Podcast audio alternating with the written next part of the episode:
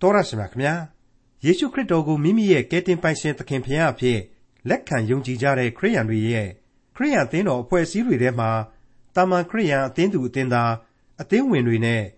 အသင်းတော်အဖွဲ့အစည်းခေါင်းဆောင်သင်းအုပ်တရားဟောဆရာတွေဆိုပြီးရှိပါတယ်ဒီလိုသင်းအုပ်တရားဟောဆရာတွေယေရှုခရစ်တော်ရဲ့ဝမ်းမြောက်ဖွယ်ရာကယ်တင်ခြင်းတရားဒေသနာတော်မြတ်ကိုအရရလိုက်လံဟောပြောတဲ့ခရိယန်ဓမ္မအမှုတော်ဆောင်တွေဆိုတာ ခရိယန်တွေကအခွင့်ပေးဦးတော့လှုပ်ချင်တိုင်းလှုပ်လို့ရနိုင်ပါသလားလူဖြစ်တဲ့ခရိယန်တွေအခွင့်ပေးပေမဲ့လို့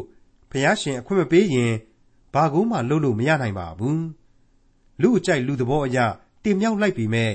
ဖះရှင်မကြိုက်မနှစ်သက်လို့ကြော်မကောင်းကြားမကောင်းဖြစ်ရတဲ့ခရိယန်ဓမ္မအမှုတော်ဆောင်တွေအထင်ရှားရှိကြပါတယ်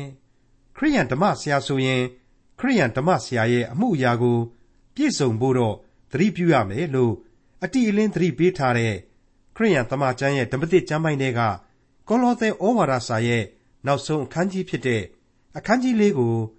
ဒီကနေ့သင်သိရသောတမန်ကျမ်းအစီအစဉ်မှာလေ့လာမှာဖြစ်ပါတယ်။ယေရှုခရစ်တော်ရဲ့ဝမ်းမြောက်ဖွယ်ရာကယ်တင်ခြင်းတရားဒေသနာတော်မြတ်ကိုဟောပြောဖို့ဆိုတာတရားဟောရာတကားကိုဖျားရှင်ဖွင့်ပေးတော်မူတဲ့အထိစောင့်ဆိုင်းရမယ့်အကြောင်းဖော်ပြထားတဲ့ကောလောသဲဩဝါဒစာရဲ့နောက်ဆုံးအခန်းကြီးဖြစ်တဲ့ အခန်းကြီး၄ကိုဒေါက်တာထွန်းမြတ်အေးကအခုလိုရှင်းလင်းတင်ပြมาဖြစ်ပါတယ်။တင်ပြရသောသမာကျမ်းရဲ့မိတ်ဆွေတော်တတ်ရှင်အပေါင်းတို့အခုကျွန်တော်တို့ဆက်လက်လေ့လာရမယ့်ကောလောသဲဩဝါဒစာအခန်းကြီး၄ကတော့ဒီဩဝါဒစာကြီးရဲ့ဏိဂုံးကျမ်းကြီးပဲဖြစ်ပါတယ်။ဒီကျမ်းထဲမှာပထမဦးဆုံးတွေ့ရမယ့်ဩဝါဒကလေးကတော့မနေ့တုန်းကအစေခံကျွန်တို့ရေသခင်စကားကိုမင်းတို့အရာရာမှနားထောင်ကြပါလို့ဆိုတာနဲ့ပတ်သက်ပြီးတော့အရာရာမှတောင်းနားထောင်ရမယ်ဆိုရင် မဟုတ်တာတွေခိုင်းရင်လည်းနားထောင်ရမှာလားဆိုပြီးတော့ဇောရကတက်မှုတွေဖြစ်နိုင်တယ်အရွက်တိုက်မှုတွေဖြစ်နိုင်တယ်အမှန်မှာတော့ကယ်တင်ရှင်ဘုရားသခင်ကိုကြောက်ရွံ့လျက်သားလျင်အခုလိုလောကသခင်စကားကိုနားထောင်ကြရမှာဖြစ်တယ်အရာရာမှနားထောင်လို့ဆိုတိုင်းမဟုတ်မမှန်တာမတရားတာတွေအတွက်နားထောင်ဖို့မလိုဘူးဆိုတာကိုကျွန်တော်ဖော်ပြခဲ့ပြီးဖြစ်ပါတယ်ပြီးတဲ့နောက်မနေ့ကသင်ခန်းစာရဲ့နောက်ဆုံးအပိုင်းလေးရောက်ရော မတရားသောအမှုကိုပြုသောသူမည်သည်ကမိမိပြုသောအမှု၏အကျိုးအပြစ်ကိုခံရလိမ့်မည်ဆိုတဲ့အချက်ဟာဆက်ပြီးတော့ပေါ်လာတယ်။အဲဒီလိုမတရားတာလုပ်ရင်တော့ဘုရားသခင်ဟာအပြစ်ပေးရင်ဘု து မျက်နှာကိုမှမထောက်ဘူး။တနည်းအားဖြင့်ဘု து မှမျက်နှာမလိုက်ဘူးဆိုတာကိုတွေ့ရခြင်းအပြင်အလုတ်သမားသို့မဟုတ်အစေခံကျွန်တို့အတွက်လောကလုပ်ငန်းခွင်အသီးသီးမှာတာဝန်ထမ်းဆောင်နေရတဲ့ခရိယန်ယုံကြည်သူအပေါင်းတို့ဟာသစ္စာတရားနဲ့အလုတ်လုပ်ရလိမ့်မယ်။စေတနာနဲ့အလုတ်လုပ်ရလိမ့်မယ် တရားမျှတစွာနဲ့တာဝန်ကိုကြည်ကြရလိမ့်မယ်ခရစ်တော်ရဲ့အစီကိုခံနေတယ်လို့သဘောထားပြီးတော့ဘုန်းတော်ကိုထင်ရှားစေရမယ်ဆိုတာတွေ့ကိုအလိုလိုသဘောပေါက်စေခဲ့ပါလေမိတ်ဆွေအပေါင်းတို့အဲ့ဒီလိုလူသားတို့အတွက်အလွန်လက်တွေ့ကြနေတဲ့လောကလုပ်ငန်းခွင်နေပယ်အတွင်းကိုထိုးဖောက်လာတဲ့ဩဝါဒစာကြီးဟာပြီးပြတ်ခြင်းမရှိသေးပဲနဲ့ဒီကနေ့အခန်းကြီး၄တဲအထိဆက်နွယ်မှုရှိလာပါတယ်ဒါကိုအခုကြည့်လိုက်ပါကောလောသဲဩဝါဒစာအခန်းကြီး၄အငယ်၁ သခင်တို့တင်တို့၏သခင်သည်ကောင်းကင်ဘုံ၌ရှိတော်မူသည်ကိုသိမှတ်၍ဖြောင့်မတ်ခြင်းတရားမျှခြင်းတရားနှင့်အညီကိုကျွန်တို့ကိုပြုကြလော့ကဲအကုန်လုံးဟာဆက်ဆက်ပြီးနေပြီဘာမှညင်းနေခုန်နေစရာမလိုတော့ပါဘူးပြည့်စုံလုံလောက်သွားရပါပြီအလုတ်ရှင်တွေအကြီးအကဲတွေအကုန်လုံးနဲ့တက်ဆိုင်လို့လမ်းညွှန်ပေးလိုက်ပါတယ်အရေးအကြီးဆုံးအခြေခံအချက်အဖြစ်သင်တို့၏ဖျားသခင်သည်ကောင်းကင်ဘုံ၌ရှိတော်မူသည်ကို သိမှတ်၍တဲ့အလွန်အရေးကြီးတဲ့အဲ့ဒီအချက်ကိုခြားထားပေးလိုက်ပါတယ်မိတ်ဆွေအစေခံကျွန်တွေအတွက်ဩဝါဒတုံးကအခန်းကြီး3မှာအငယ်22ကနေအဆုံးအထိအတွင်းမှာကျွန်တော်တို့အခုလိုတွေ့ကြရပါတယ်အစေခံကျွန်တို့သခင်ဖျားကိုကြောက်ရွံ့လျက်လူတို့၏စိတ်ကိုနူးညွတ်စေသောသူကဲ့သို့မျက်မှောက်၌သာနားထောင်သည်မဟုတ်စိတ်နှခွမရှိဘဲလောကီသခင်၏စကားကိုအရာရာ၌နားထောင်ကြလော့လူ၏အမှုကိုသာဆောင်ရွက်တဲ့ကဲ့သို့မဟုတ် သခင်ဖျား၏အမှုတော်ကိုဆောင်ရွက်တဲ့ကဲ့သို့ပြုလေသမျှတို့၌စေတနာစိတ်နှင့်ပြုကြလော့သင်တို့သည်သခင်ခရစ်တော်၏အစေကိုခံကြသည်ဖြစ်၍အမွေတော်ဒီဟုသောအကျိုးကိုထိုသခင်ဖျား၏လက်တော်မှခံရလိမ့်မည်ဟုသိမှတ်ကြလော့မတရားသောအမှုကိုပြုသောသူမည်သည်ကမိမိပြုသောအမှု၏အကျိုးအပြစ်ကိုခံရလိမ့်မည်အဘယ်သူ၏မျက်နှာကိုမှတ်တော်မမူတဲ့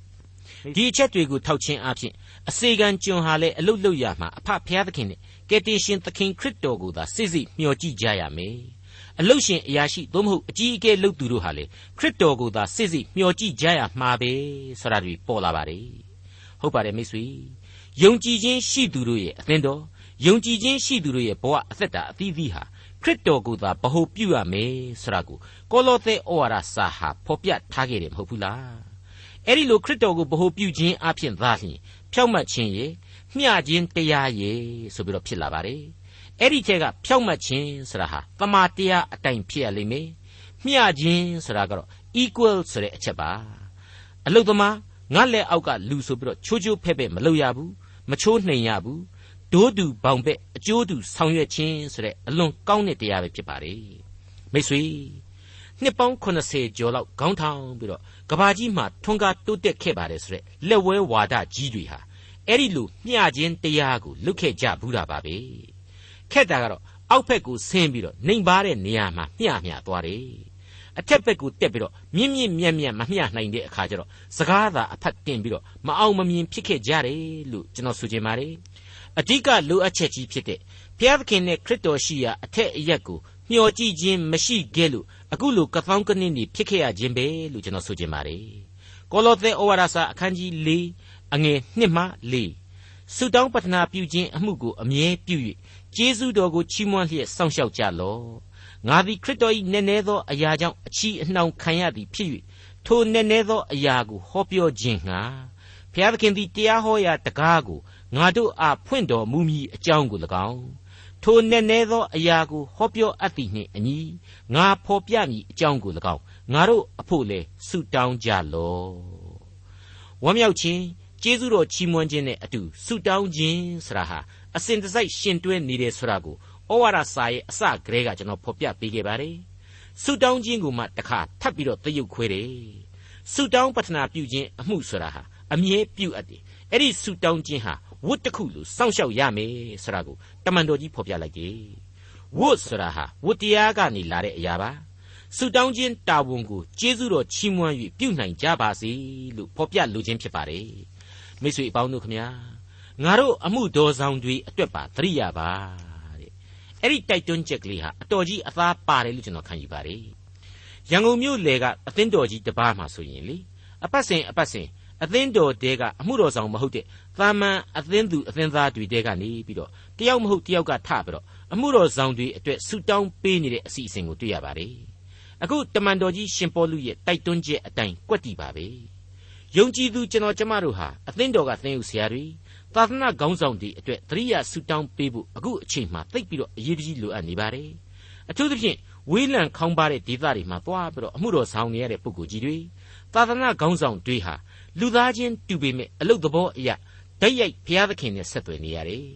အများစုဟာဆင်းရဲတယ်ဘဝခရီးရလေကြမ်းတမ်းတယ်တိုးတက်ပါတယ်ဆိုတဲ့ခေတ်ကြီးမှာသူတို့ခမညာမှာရုပ်ပိုင်းဘဝအခြေအနေအရအခက်အခဲတွေအများကြီးရင်ဆိုင်နေရတယ်ပြင်ပစီးပွားရေးလေလှုပ်လို့ရမတင်တယ်သာသနာကလည်းအပြည့်အဝမထောက်ပံ့နိုင်တဲ့အခါမျိုးမှာအကြီးအကျယ်ဒုက္ခရောက်ကြရပါတယ်သူတို့အတွက်ကျွန်တော်တို့ဆူတောင်းပေးဖို့လိုနေပါပြီကုညီထောက်ပံ့ဖို့လည်းအများကြီးလိုနေပါပြီ ဒါကိုကောလောသဲဩဝါဒစာအဖြစ်ကျွန်တော်တို့သတိရကြပါစို့လို့တင်ပြလိုက်ပါရစေအခုတမန်တော်ကြီးအထူးပြုဖော်ပြတာကတော့ခရစ်တော်၏နည်းနည်းသောအရာကိုဖော်ပြဖို့တနည်းအားဖြင့်အသင်းတော်များကိုတိဆောက်ဖို့ဧဝံဂေလိသတင်းစကားကိုပြောကြဖို့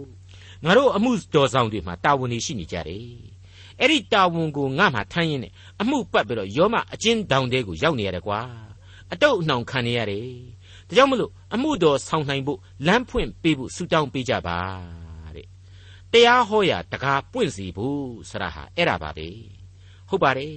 အလွန်အရေးကြီးတဲ့လိုအပ်ချက်ဖြစ်ပါတယ်အမှုတော်ဆောင်ဖို့မဆောင်ဖို့ဆရာဟာဘုရားသခင်ကခွင့်ပြုချက်မရဘဲလှုပ်ဆောင်နိုင်တဲ့အမှုမဟုတ်ပါဘူး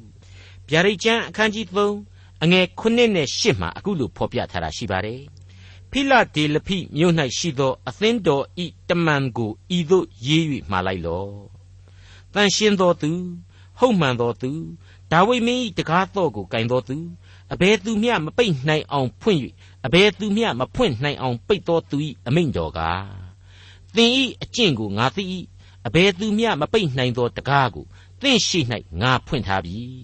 အကြောင်းမူကားသင်သည်အနည်းငယ်သောခွန်အားရှိသည်နှင့် ငါဤနှုတ်ကပတ်တော်ကိုစောင့်ရှောက်ခဲ့ပြီတဲ့မိတ်ဆွေအနည်းငယ်သောခွန်အားကလေးပဲရှိပါစေဒါပေမဲ့ယုံကြည်ခြင်းတရားကိုစောင့်ရှောက်သူအမှုတော်အတွက်စစ်မှန်သောစေတနာရှိသူအတွက်ကိုတော့ဖျားသခင်ဟာတရားဟောရာတကားကိုဖွင့်ပေးမှဖြစ်တဲ့အကြောင်းဗျာဒိတ်ကျမ်းဟာရှင်းလင်းပြတ်သားစွာဖော်ပြပေးနေပါတယ်တမန်တော်ကြီးရှင်ပေါလုအတွက်ဆိုရင်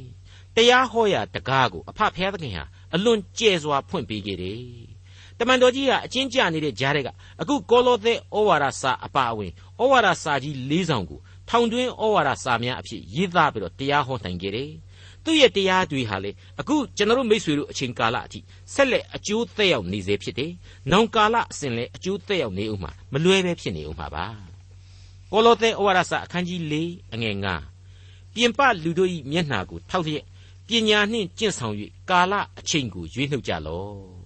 ဒါဟာအရေးကြီးတဲ့အပိုင်းတစ်ခုဖြစ်လာပါလေ။ပြင်ပလူသို့မဟုတ်အသင်းတော်ရဲ့ပြင်ပကဘာမယုံကြည်သူတို့ရဲ့လောကထဲမှာယုံကြည်သူအပေါင်းတို့ဟာသူတို့မျက်နှာကိုထောက်ထားကြရမယ်တဲ့ကဲ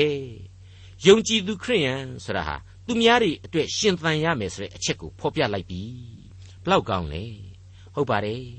ယုံကြည်သူအသင်းတော်ယုံကြည်သူတူးချင်းဟာပညာနဲ့ကျင့်ဆောင်ကြရမယ်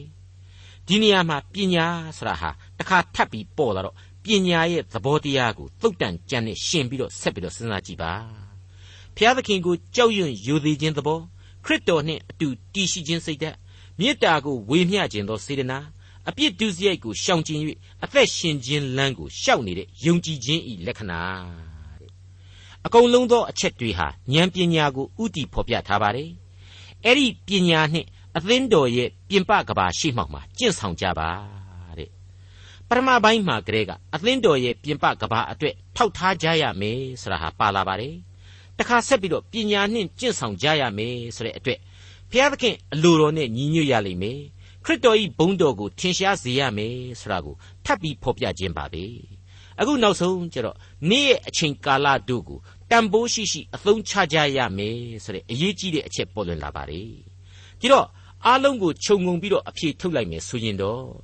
ယုံကြည်သူခရိယန်တဦးစီတို့ရဲ့အသက်တာတွေဟာမယုံကြည်သောသူတို့အတွက်အကျိုးပြုသောအသက်တာတန်ဖိုးရှိသောအသက်တာများဖြစ်ရကြမယ်ဆိုပြီးတော့ဖော်ပြလိုက်တဲ့အတူတူပါပဲဟုတ်ပါတယ်အခုအပိုင်းမတိုင်ခင်မှာအမှုတော်ဆောင်သူတို့အတွက်တရားဟောရာတကားကိုဖွင့်ပေးဖို့ဆုတောင်းပေးပါလို့ဆိုခဲ့ပါသေးတယ်ဒါကိုဆက်ဆက်တွေးတောလိုက်တော့မှအဖြေဟာပို့ပြီးတော့လေးနဲ့သွားရတယ်မှန်ပါတယ်တမန်တော်ကြီးများဓမ္မအမှုတော်ဆောင်ကြီးများ အမှုတော်ကိုဆောင်နိုင်ဖို့ရန်အတွက်ဆုတောင်းပေးကြပါကိုယ်တိုင်ဟာလည်းဘုရားသခင်သက်သေကံများဖြစ်နိုင်ကြပါစေလို့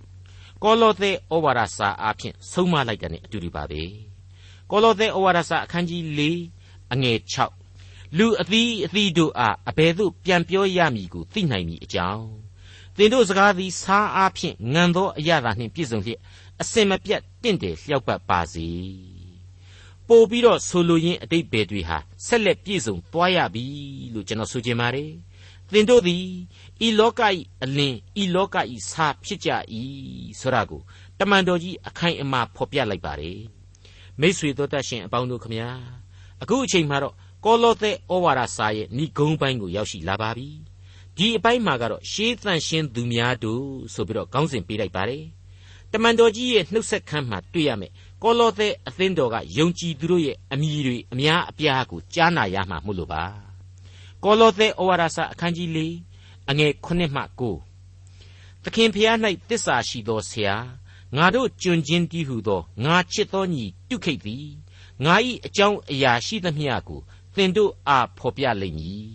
သူသည်သင်တို့၏အကြောင်းအရာများကိုသိ၍သင်တို့စိတ်နှလုံးကိုတက်တာစေခြင်းဟာထိုသူကို၎င်းသ င်တို့အထက်ကဖြစ်၍တစ္ဆာရှိသောငါချစ်သောညီဩနေသင်ကို၎င်းသင်တို့စီတို့ငါစီလွတ်၏သူတို့သည်ဤမျိုး၌ဖြစ်သမျှသောအကြောင်းအရာကိုသင်တို့အားဖော်ပြကြလိမ့်မည်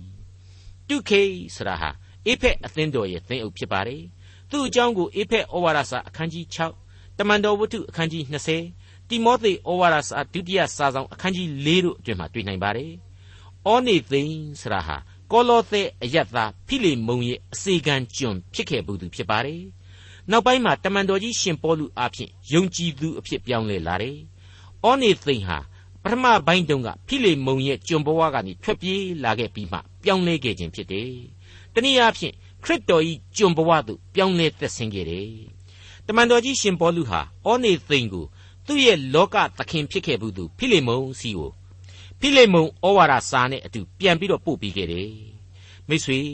အဲ့ဒီလူလောကကသခင်တွေကျွန်တွေအကုန်လုံးတို့ဟာခရစ်တော်ရဲ့ကျေးဇူးကရုဏာတော်အောက်မှာအကြီးအကျယ်ပြောင်းလဲကုန်ကြပြီ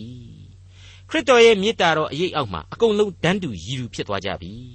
ဒါကြောင့်မလို့တမန်တော်ကြီးကအခုလိုဒီနေရာမှာဖော်ပြလိုက်ပါတယ်ငါချစ်တော်ညီဩနေသိ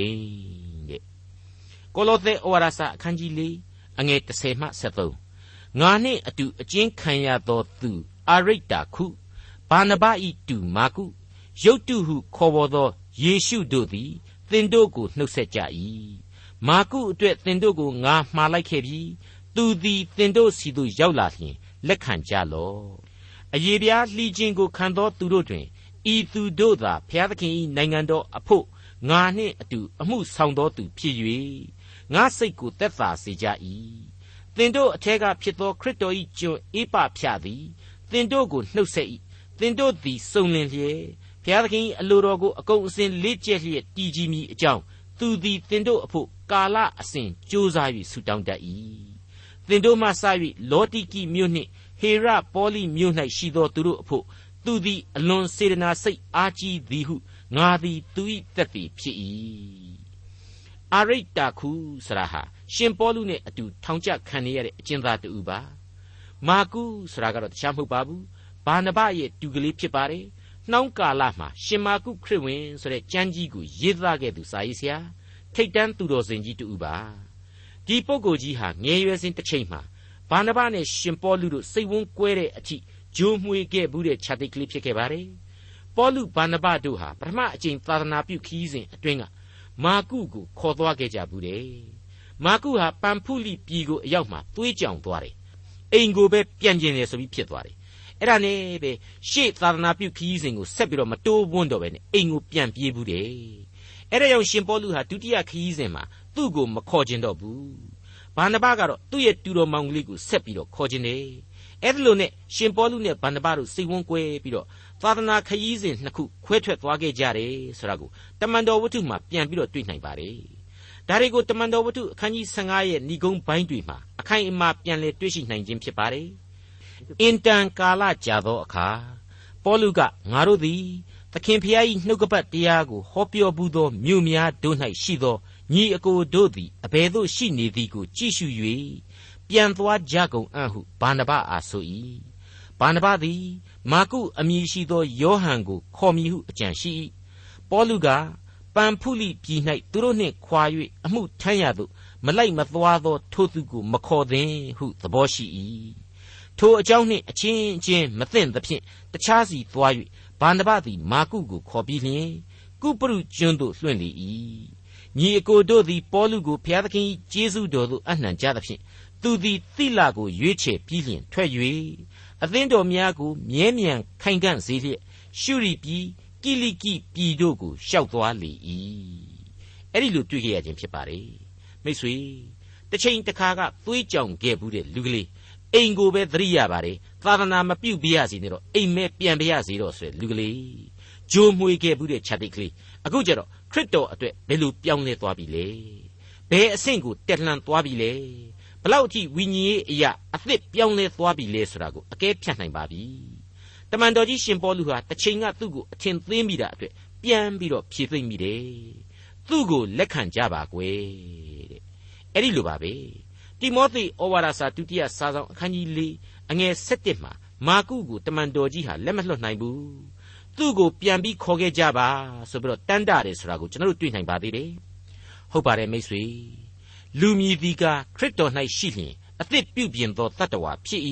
ဆိုပြီးတော့ရှင်ပေါလုဖော်ပြထားခဲ့တယ်မဟုတ်ဘူးလားနောက်ထပ်တယောက်တွေ့ရတာကတော့ယုတ်တုဟုခေါ်ဝေါ်သောယေရှုတဲ့ယောရှုဆိုတဲ့နာမည်ကနေပြီးတော့မှခရစ်တော်ကိုချစ်လွန်းလို့အားကြပြီးတော့ယေရှုလို့ခေါ်ဝေါ်တာဖြစ်ရပါလိမ့်မယ်တပားမျိုးသားအများစုရှိတဲ့ကောလောသဲကဂျူးယုံကြည်သူတယောက်ဖြစ်ပါလိမ့်မယ်နောက်တစ်ယောက်ကတော့ခရစ်တော်ဤကျွန်းအေးပဖျားတဲ့ မကြာခဏတမန်တော်ကြီးဖော်ပြပေးနေတဲ့တန်ရှင်းသူတယောက်ပါပဲတမန်တော်ကြီးနဲ့အတူထောင်နှန်းဆံပြီးနေရရှာပါတယ်တမန်တော်ကြီးလိုပဲထောင်တကားတွေပိတ်တာကိုခံနေရပြီမဲ့အမှုတော်ကိုဆောင်းနေတယ်ဆိုတာကိုတွေ့နိုင်ပါတယ်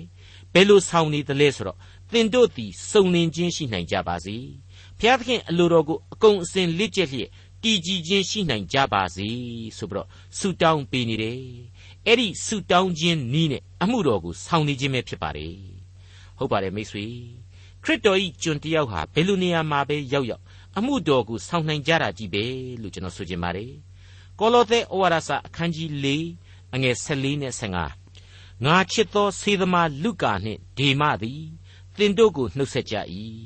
လောတိကီမြို့၌ရှိသောညီအကိုတို့ကို၎င်းနှုံဖမှစ၍သူ၏အိမ်၌ရှိသောအသင်းတော်ကို၎င်းနှုတ်ဆက်ကြလော့ ရှင်လုကာခရစ်ဝင်ကျမ်းကိုရေးသားခဲ့တဲ့ဆရာဝန်ကြီးရှင်လုကာဟာလေယောမမှာရှိနေပါတယ်မိတ်ဆွေရှင်လုကာဟာတပားအမျိုးသားဖြစ်ပါတယ်သူ့ရဲ့ Greek စာပေနဲ့ရေးသားပြုစုပေးလိုက်တဲ့ရှင်လုကာခရစ်ဝင်ကျမ်းဟာအသက်လန်းဂန္ဓဝင်စာပေအဖြစ်ခရစ်တော်ရဲ့အသက်ရှင်ခြင်းကျေးဇူးတရားကိုဖော်ပြပေးခဲ့ပါတယ်ခရစ်တော်ရဲ့နာမတော်နဲ့ဘုန်းတော်ကိုထင်ရှားစေခဲ့ပါတယ်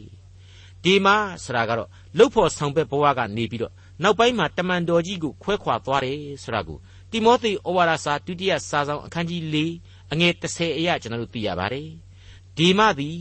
ယခုဘဝကိုနှစ်သက်သောစိတ်ရှိသည်နှင့်ငါကိုစွန့်၍သက်သာလောနိတ်သို့သွားပြီ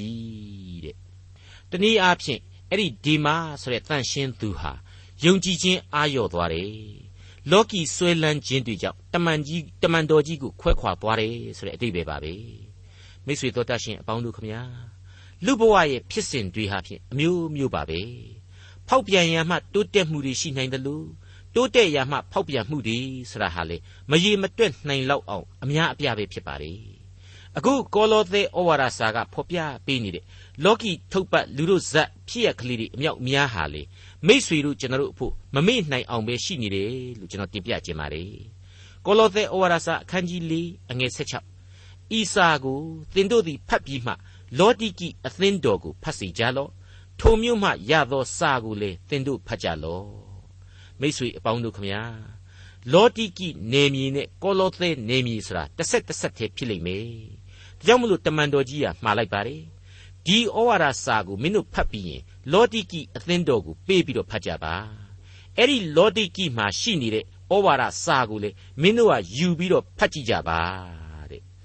လောတိကိကိုသီးသန့်ဩဝါဒစာမရေးပါဘူးဒါပေမဲ့အခုကောလောသဲဩဝါဒစာဟာလောတိကိကိုလေရည်စူးထားခဲ့သောစာပါပဲအဲ့ဒီအတိုင်းပါပဲအေဖက်ဩဝါဒစာကိုလေလောတိကိအတွက်ပါမိတ္တူပေးပို့ခဲ့ဟန်ရှိပါတယ်ဒါကြောင့်မို့လို့လောတိကိအသင်းတော်မှရသောစာကိုလေသင်တို့ဖတ်ကြလောဆိုပြီးတော့တမန်တော်ကြီးကောလောသဲအသင်းတော်ကိုတိုက်တွန်းလိုက်ခြင်းပါပဲမိษွေတော်တတ်ရှင်အပေါင်းတို့ခမညာတမန်တော်ကြီးရဲ့ အေဖဲဖိလိပ္ပိကောလောသဲဩဝါဒစာအပေါင်းတို့ဟာရှေးကာလအသင်းတော်အားလုံးတို့အတွက်အသုံးဝင်ခဲ့သလိုအကျိုးကျေးဇူးပြုခဲ့သလိုအသင်းတော်နဲ့ယုံကြည်သူတို့အတွက်အခြေခံအုတ်မြစ်တည်ဖြစ်စေခဲ့သလိုဒီကနေ့ဒီအချိန်ကျွန်တော်ယုံကြည်သူတဦးချင်းတို့အတွက်လည်းအလွန်ကြီးမားတဲ့ဝိညာဉ်ခွန်အားများကိုပေးနေပါတယ်ကျွန်တော်ယုံကြည်သူအသင်းတော်များအတွက်လည်းအလွန်ကောင်းမွန်တဲ့သင်ခန်းစာများကိုအစဉ်စိုက်ပေးအပ်လျက်ရှိနေပါတယ် ကောလောသဲဩဝါဒစာအခန်းကြီး၄အငယ်၁၈အာခိတ်ပုကိုလည်းသင်သည်သခင်ဖျား၏လက်တော်မှခံရပြီးသောဓမ္မဆရာ၏အမှုအရာကိုပြည့်စုံခြင်းဟာသတိပြုပါဟုပြောကြလော့ဘုရားသခင်ပေးထားတဲ့အရေးအချင်းကောင်းတွေရှိတယ်ဒါပေမဲ့အသုံးချတန်ဖိုးသိပ်ပြီးတော့ရှိဟန်မတူတော့တဲ့အားပြော့နေတဲ့အမှုတော်ဆောင်တယောက်ဖေလို့အာခိတ်ပုနဲ့ပတ်သက်ပြီးတော့ကျွန်တော်တို့တွက်ဆနိုင်ပါတယ်ဒါကြောင့်မလို့အာခိတ်ပုကိုတဲ့ သင်သည်သခင်ဖျား၏လက်တော်မှခံရပြီးသောဓမ္မဆရာ၏အမှုအရာကိုပြည့်စုံခြင်းဟာသတိပြုပါဆိုပြီးတော့ဝိုင်းပြီးတော့အားပေးကြပါတိုက်တွန်းကြပါသတိတရားရအောင်ပြောပြကြပါတဲ့မိတ်ဆွေဓမ္မဆရာဟာလေလူပါပဲလူဇာတိပဂရိယအာနေတတ်ပါတယ်ချွတ်ချော်တတ်ပါတယ်လမ်းလွဲတတ်ပါတယ်ကျွန်တော်တို့ဟာဒါကြောင့်မလို့အထက်မှာဖော်ပြခဲ့တဲ့အတိုင်းဓမ္မဆရာကြီးအတွက်ဆုတောင်းပတ္ထနာပြုဖို့အထူးပဲလူတယ် သူတို့ကိုရုပ်ပိုင်းဆိုင်ရာစိတ်ပိုင်းဆိုင်ရာအားတက်သရောဖြစ်အောင်လို့ကူညီပေးဖို့လိုတယ်။စာနာစိတ်ဓာတ်များနဲ့ဘုရားသခင်ရဲ့အလိုတော်နဲ့အညီအစဉ်တစိုက်ဝိုင်းဝန်းပြုစုပေးဖို့လိုအပ်လာတယ်လို့ကျွန်တော်ထပ်မံတင်ပြခြင်းပါတယ်။ဆုတောင်းပတနာပြုခြင်းအမှုကိုအမြဲပြု၍ကျေးဇူးတော်ကိုချီးမွမ်းလျက်စောင့်ရှောက်ကြလော့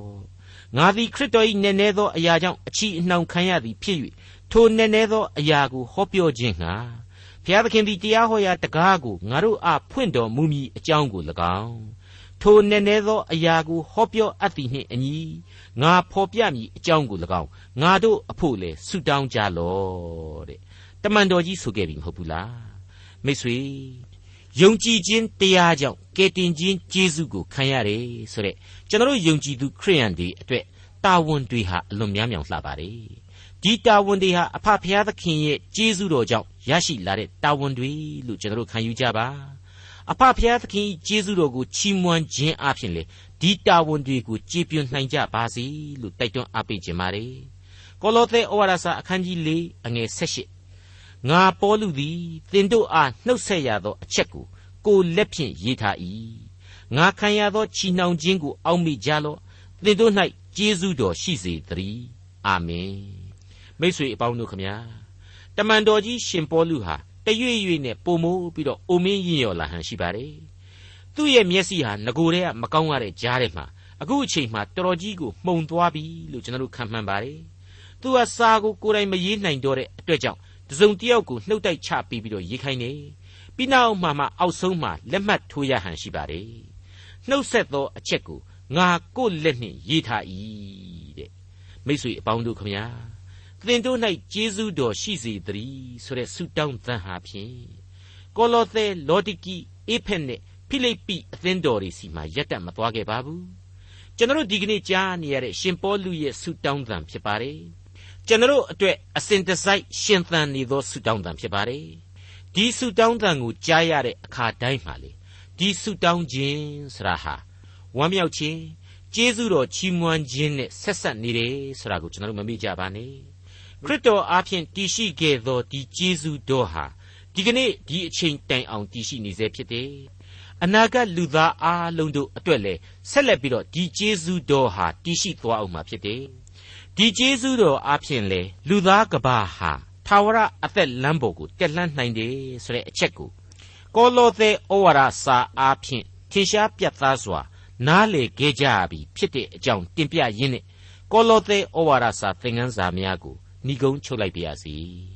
ဒေါက်တာထွန်းမြတ်ရေးစီစဉ်တင်ဆက်တဲ့တင်ပြတော်တမချန်းအစီအစဉ်ဖြစ်ပါတယ်ခရိယန်တမချန်းရဲ့ဓမ္မတိကျမ်းပိုင်းတွေက